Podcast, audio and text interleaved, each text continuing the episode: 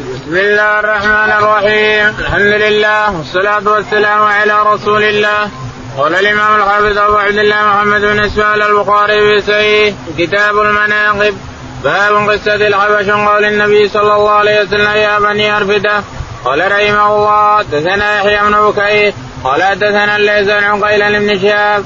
أن روى عائشة أن أبا بكر رضي الله عنه دخل عليها وعندها جاريتان في أيام منها تدففان وتضربان والنبي صلى الله عليه وسلم متغش بثوبه فانتهرهما أبو بكر فكشف النبي صلى الله عليه وسلم وجهه فقال دعهما يا ابا بكر فإنها أيام عيد وتلك الأيام أيام منها وقالت عائشة رأيت النبي صلى الله عليه وسلم يسترني وأنا أنظر إلى الحبشه وهم يلعبون في المسجد فزجرهم عمر فقال النبي صلى الله عليه وسلم دعهم امنا بني ارفده يعني من الأمن.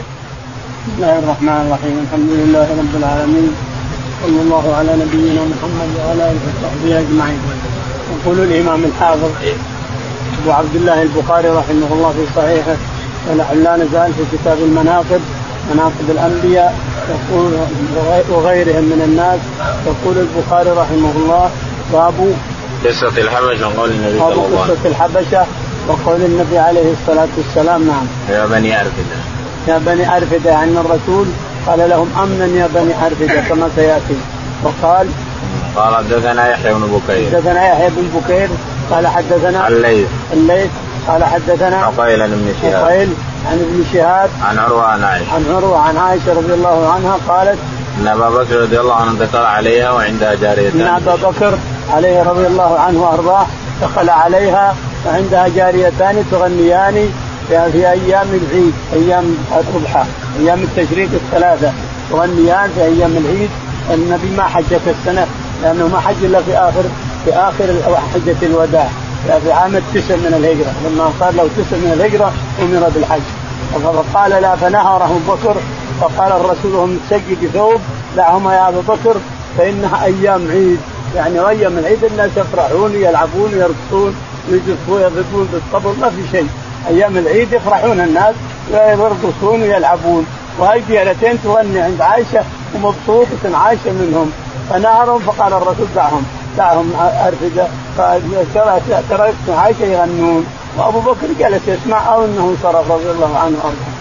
نعم. وقالت عائشة بالسند رأيت النبي صلى الله عليه وسلم يسترني وأنا أنظر إلى الحبشه. وقالت عائشة رأيت النبي عليه الصلاة والسلام يسترني قامت معه في المسجد والحبشة يلعبون برماحهم بالرماح بالحرب بحرابهم الحربه اللي يدركها على الرجل يريد قتله يدرك الحربه ثم تدخل تضرب مع سرته أو مع بطنه أو مع كرشه أو شيء من هذا.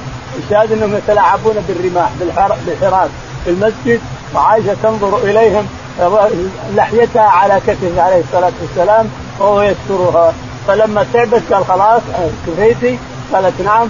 فذهبت وجلس الرجل ورجع الرسول عليه الصلاة والسلام؟ فزجرهم فجاءهم عمر. رضي الله عنه فزرج فزجرهم ما أدري.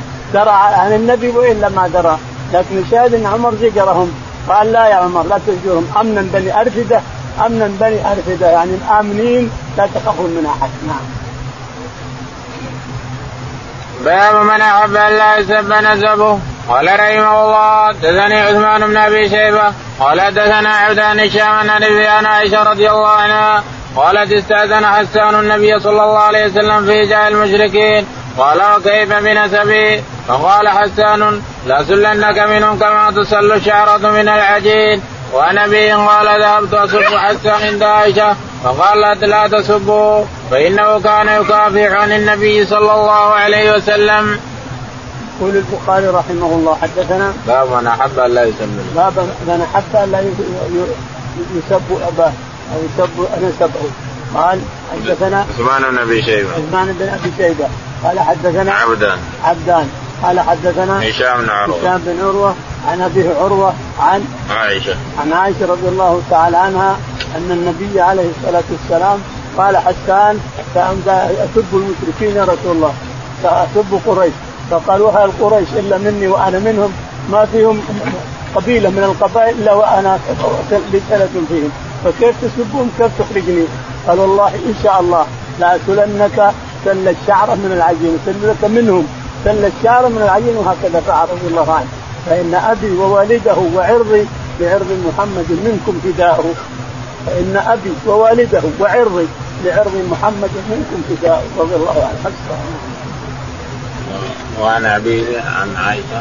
وعن ابي عن عائشة رضي الله تعالى عنها قالت.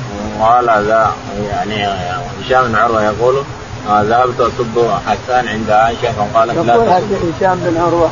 ذهبت اسب حسان عند عائشة رضي الله عنها؟ فقالت لا تسبه فإنه كان ليش يسبه؟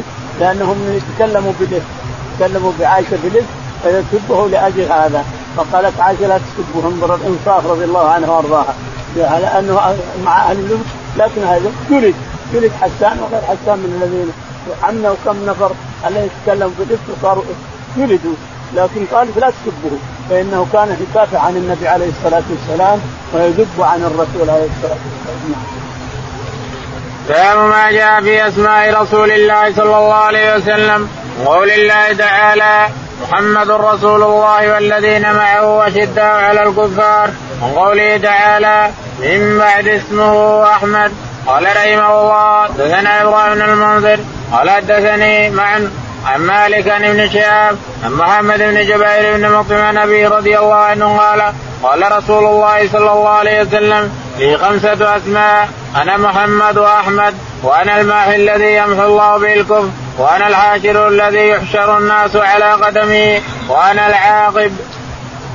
يقول البخاري رحمه الله باب أسماء النبي عليه الصلاة والسلام له يقال خمسة ويقال ابن جوزي حول سبعة ذكرها ابن جوزي في كتاب مستقل ويقول هنا خمسة. أسماء الرسول عن الرسول بنفسه عليه الصلاة والسلام أنها خمسة. يقول البخاري رحمه الله قال الله تعالى محمد رسول الله والذين معه. قال تعالى محمد رسول الله والذين معه شداء الكفار رحماء بينهم إلى آخر الآيات التي في التوراة والإنجيل. وقوله تعالى من بعد اسمه أحمد. وقوله من بعد من بعد اسمه أحمد يعني عيسى عليه السلام يقول سيأتي نبي بعدي اسمه أحمد.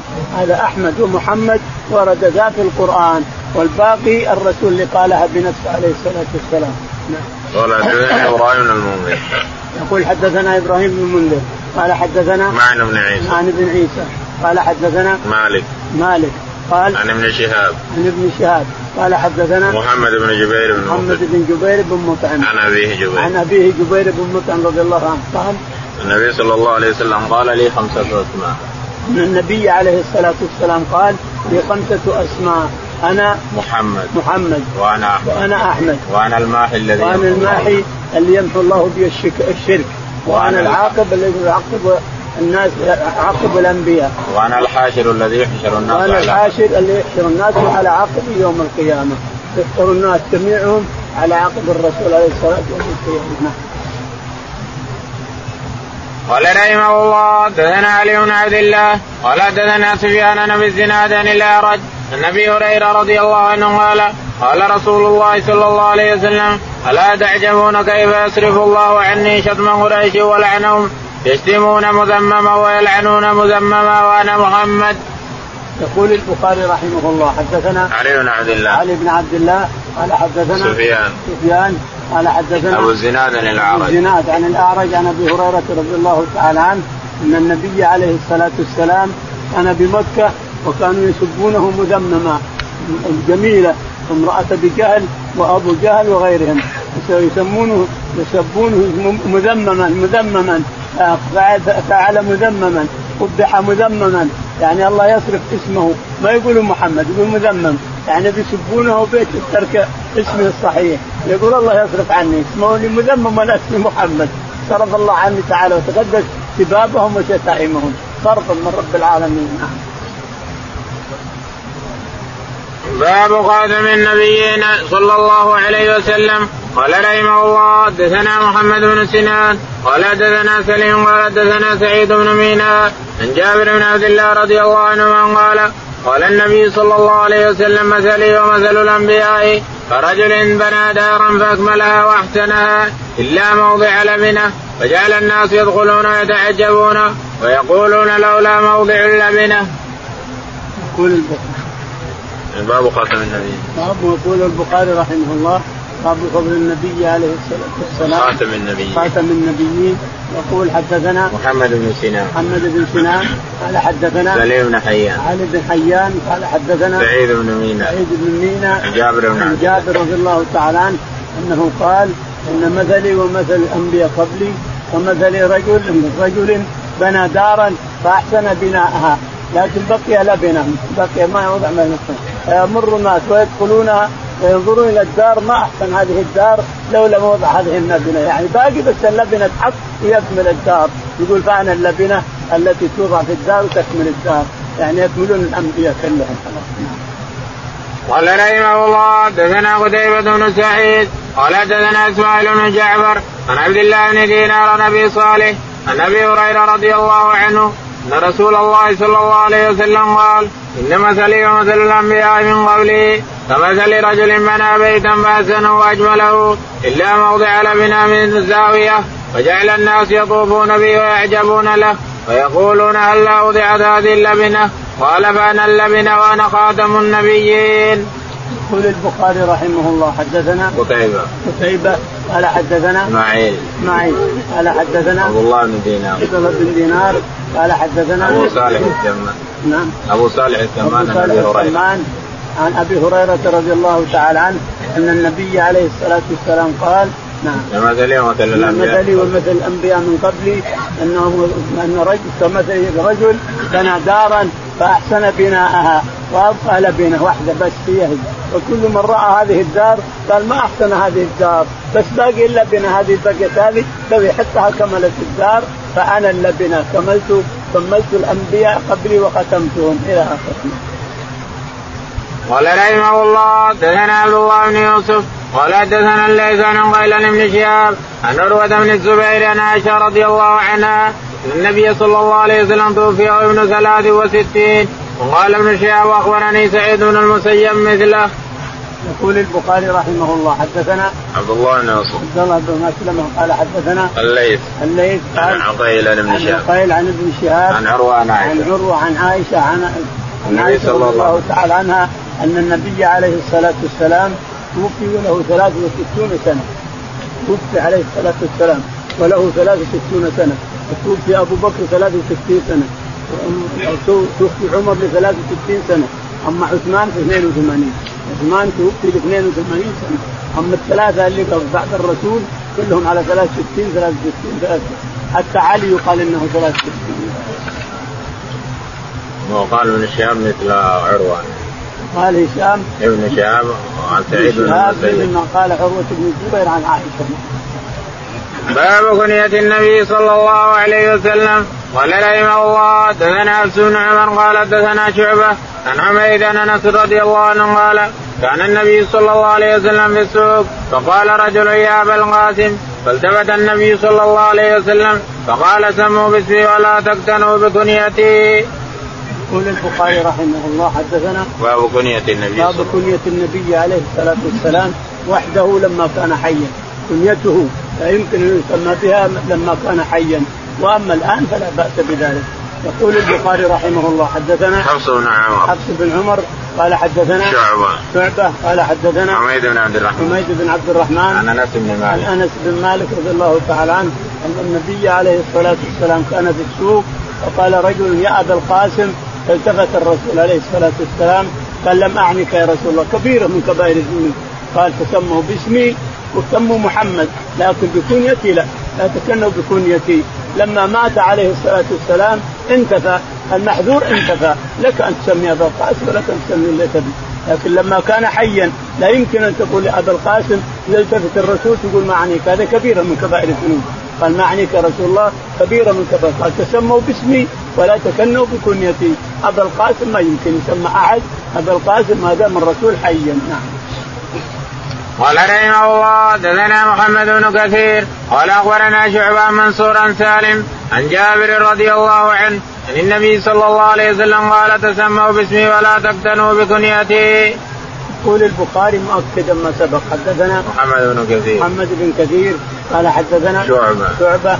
قال حدثنا منصور. منصور قال عن سالم عن جابر. عن سالم عن جابر رضي الله تعالى عنه أن النبي عليه الصلاة والسلام قال تكنوا تسموا باسمي ولا تفتنوا بكنيتي ابا القاسم ممنوع لما كان حي عليه الصلاه والسلام قال رحمه الله دثنا علي بن عبد الله قال دثنا سفيان بن أيوب بن سيرين قال سمعت أبا هريرة رضي الله عنه يقول قال أبو القاسم صلى الله عليه وسلم سموا باسمي ولا تفتنوا بكنيتي. يقول البخاري رحمه الله حدثنا علي بن عبد الله. علي بن عبد الله المديني. قال حدثنا سفيان. سفيان الثوري. قال حدثنا أيوب. أيوب قال عن ابن سيرين. عن ابن سيرين قال عن أبي هريرة. عن أبي هريرة رضي الله تعالى عنه أن النبي عليه الصلاة والسلام قال تسموا باسمي ولا تكتبوا بكنيتي. ابا القاسم ممنوع. قال رحمه الله باب حدثني إسحاق قال أخبرنا الفضل بن موسى عن الجعيد بن عبد الرحمن قال رأيت السائب بن يزيد رضي الله عنه ابن أربع وتسعين جلدا معتدلا. فقال قد علمت ما متعت به سمعي وبصري إلا بدعاء رسول الله صلى الله عليه وسلم. إن قالت ذهبت بي اليه فقالت يا رسول الله إن ابن أختي شاك فادعو الله. قال فدعا لي. يقول البخاري رحمه الله. حدثنا اسحاق بن إبراهيم. اسحاق بن إبراهيم قال حدثنا الفضل بن موسى. الفضل بن موسى قال قال حدثنا الجعيد بن عبد الرحمن. حدثنا الجعيد بن عبد الرحمن قال قال رأيت السائب بن يزيد بن 94 بن يزيد وهو ابن 90 سنة. 94 94 سنة. وهو لم يصب منه شيء. أبيض أحمر جلدا ما عندك أحسن من عافيته قال تدري بماذا؟ قلت لا.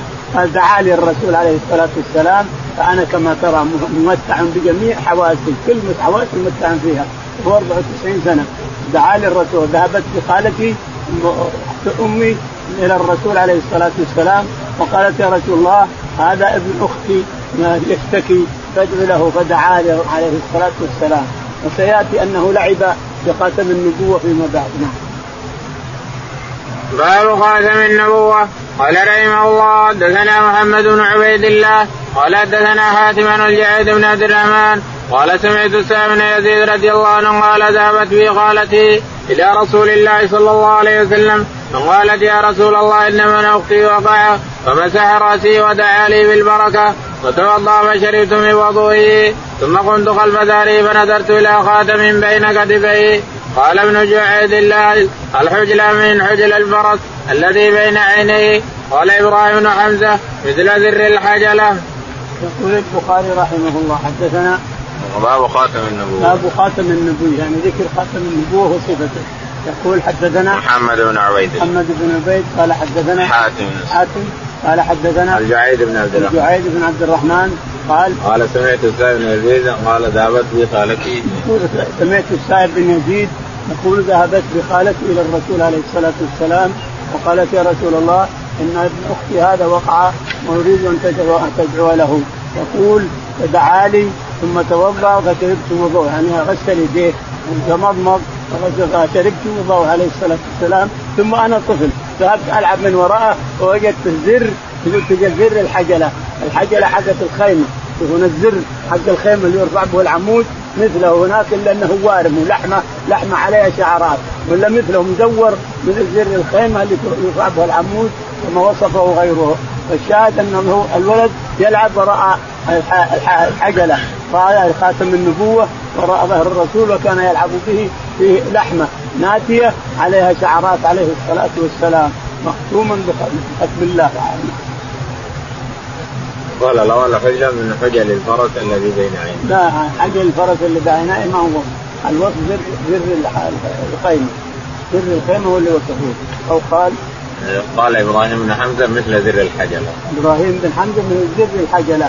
يعني حجلة العمود حق الخيمة.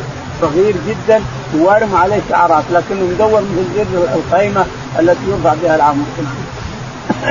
باب صفة النبي صلى الله عليه وسلم قال رحمه الله دثنا أبو عاصم عن عمر بن سعيد بن أبي حسين عن ابن أبي مليكة عن عقبة بن الحارث رضي الله عنه قال صلى أبو بكر رضي الله عنه العصر ثم خرج يمشي فرى الحسن رضي الله عنه يلعب مع الصبيان فحمله على عاتقه وقال بأبي شبيه بالنبي لا شبيه بعلي وعلي يضحك. يقول البخاري رحمه الله باب صفة النبي صلى الله عليه وسلم. النبي عليه الصلاة والسلام. حدثنا أبو عاصم. أبو عاصم. قال حدثنا عمر بن سعيد. عمر بن سعيد. قال حدثنا ابن أبي مليكة. ابن أبي مليكة هو الظاهر إنه محمد. قال حدثنا عقبة بن الحارث. عقبة بن الحارث. قال إن قال صلى أبو بكر رضي الله عنه العصر ثم خرج. صلى أبو بكر. عليه رضي الله عنه صلى مع الناس في جماعة ثم خرج من المسجد فوجد الحسن يلعب فأخذه بين يديه يحبه ويشمه. قال بأبي شبيه بالنبي عليه الصلاة والسلام لا بعلي وعلي ينظر إليه ويضحك. نقول بأبي وأمي هذا شبيه بالنبي عليه الصلاة والسلام لا بعلي وعلي يضحك. يعني الحسن شبيه بالرسول عليه الصلاة والسلام. قال رحمه الله دثنا أحمد بن يونس قال حدثنا زهير قال حدثنا إسماعيل عن أبي جحيفة رضي الله عنه قال رأيت النبي صلى الله عليه وسلم وكان الحسن يشبهه. يقول البخاري رحمه الله حدثنا أحمد بن يونس. عمر أحمد بن يونس. أحمد بن يونس قال حدثنا زهير. زهير قال قال حدثنا إسماعيل. إسماعيل قال حدثنا أبو جحيفة. أبو جحيفة هو عبد الله السوائي قال قال رأيت النبي صلى الله عليه وسلم وكان الحسن يشبهه. يقول رأيت النبي عليه الصلاة والسلام وكان الحسن يشبهه يشبه الرسول عليه الصلاة والسلام. الحسن بن علي يشبه الرسول عليه الصلاة والسلام. نعم.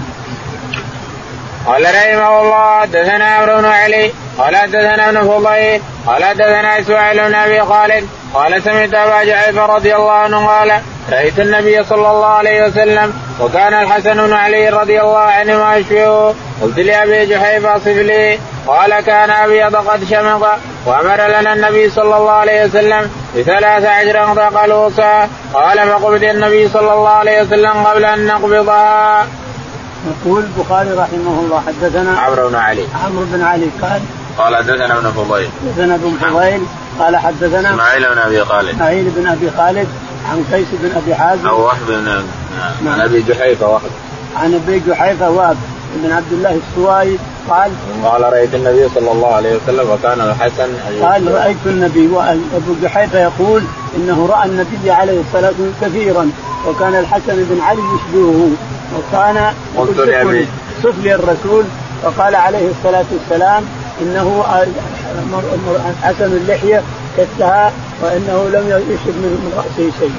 قال قال وكان كان أبيض قد شمط وامنا كان أبيض بحمره شمطه قليل من الشعر قليل من الشيب. ما هو كثير. ثلاث شعرات هنا قال أو ثلاث هنا أو تفرقات على واحدة واحدة. الله أعلم.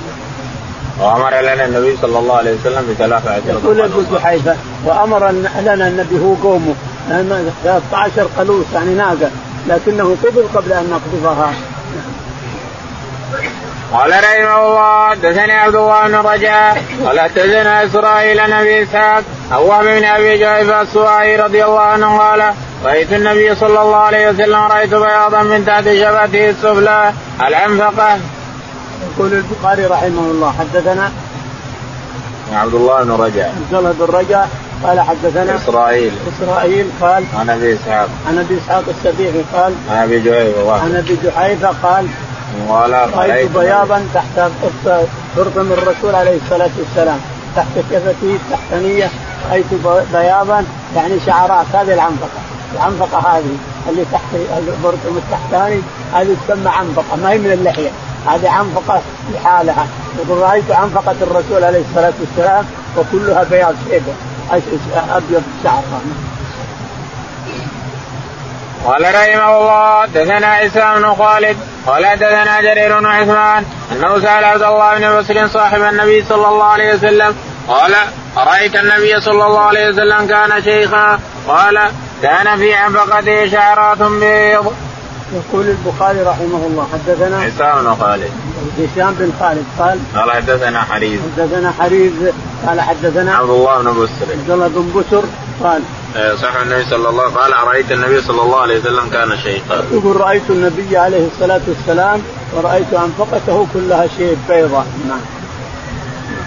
كان في انفقته شعرات بيضاء. كان في شعرته الحديث الأول يقول بيضاء بياض في شعرته. هنا يقول كان في شعرته انفقته شيئا ابيض قال رحمه الله دثنا ابن بكير قال دثنا الليث عن خالد عن سعيد بن أبي هلال الربيعة بن أبي عبد الرحمن قال سمعت أنس بن مالك رضي الله عنه يصف النبي صلى الله عليه وسلم قال كان ربعة من القوم ليس بالطويل ولا بالقصير أزهر اللون ليس بأبيض أمحق ولا آدم ليس بجعد قطط ولا صوت الرجل أنزل عليه وهو ابن أربعين فلبث بمكة عشر سنين ينزل عليه وبالمدينة عشر سنين وليس في رأسه ولحيته عشرون شعرة بيضاء. قال ربيعة فرأيت شعرا من شعره فإذا هو أحمر فسألت فقيل أحمر من الطيب.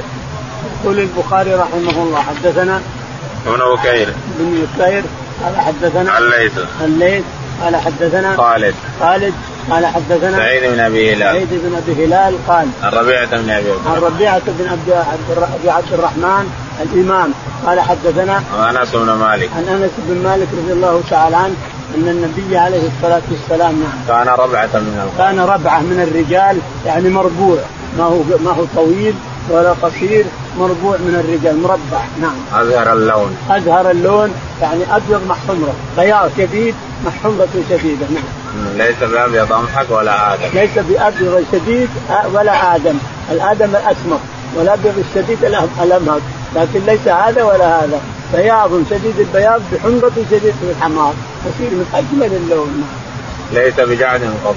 ليس بجعد قطط الشعر. ما هو بجعد قطط يعني متلوي ولا بسلس من هذه العلافي إنما هو الحلق حلق حلق حلق حلق أنزل عليه وهو من أربعين أنزل عليه أربعين سنة. ونبئ وهاجر من مكة إلى المدينة بعد 13 سنة. وجلس في المدينة عشر سنوات. صار عمره 23 سنة. فجلس في مكة 13 سنة فرضت عليه الصلوات. ويصلي في مكة. بعد ما نبئ وبعد ما فرضت عليه الصلوات صار يصلي بمكة عليه الصلاة والسلام. وبعد 13 سنة أمر بالهجرة. فهاجر إلى المدينة وجلس فيها عشر سنوات ثم قبض عليه الصلاة والسلام. وصار كله 63 سنة. وليس في رأسه ولحيته عشرون شعرة. توفي وليس في رأسه ولحيته عشرون شعرة من من الشيء يعني. قليل الشيء يقال إنه هنا ما هو ما هو مع اللحية هنا. هنا على الجنب وهنا من الجنب شعرتين هنا وشعرة هنا. مع الجنب من هنا مع قال ربيعة فرأيت شعرا من شعره فإذا هو ربيعة بن أبي عبد الرحمن رأيت شعرا من شعره أبيض بعضها أبيض وبعضها أسود. فقيل أحمر من الطيب. يقول رأيت شعره أحمر. قيل إنه أحمر من كثره الطيب يتطيب عليه الصلاة والسلام من دهن العود. دائما يحط شعره الجاري طيب من دهن العود الأبيض خاصة. نعم. قال رحمه الله حدثنا عبد الله بن يوسف قال أخبرنا مالك بن أنس ربيعة بن أبي عبد الرحمن عن أنس بن مالك رضي الله عنه أنه سمعه يقول كان رسول الله صلى الله عليه وسلم ليس بالطويل الباين ولا بالقصير ولا بالأبيض الامق وليس بالآدم وليس بالجاد القطط ولا بالصوت بعثه الله على رأس الأربعين فقام بمكه عشر سنين وبالمدينه عشر سنين فتوفاه الله وليس في رئيسه ولحيته عشرون شعرة بيضاء. يقول البخاري رحمه الله حدثنا عبد الله بن يوسف. عبد الله بن يوسف قال حدثنا مالك. مالك قال حدثنا ربيعة بن أبي ربيعة بن أبي عبد الرحمن قال عن أنس بن مالك. عن أنس رضي الله تعالى عنه أن النبي عليه الصلاة والسلام كان لا طويل جدا ولا قصير مربوع مربوع بين الرجال عليه الصلاة والسلام. وكان بمعنى الحديث ليس بالطويل ولا بالقصير. ليس بالطويل ولا بالقصير يعني ما هو بالطويل ولا بالقصير مربوع من الرجال. قال بعثه الله على رأس الأربعين. بعثه الله على رأس الأربعين وقام بمكة عشرة. صلى بمكة بمكة 13 ما أدري ليه ليش الغلط هذا من البخاري رحمه الله؟ 13 سنة جلس في مكة ثم هاجر وجلس في المدينة عشر سنوات وصار عمره 63 سنة.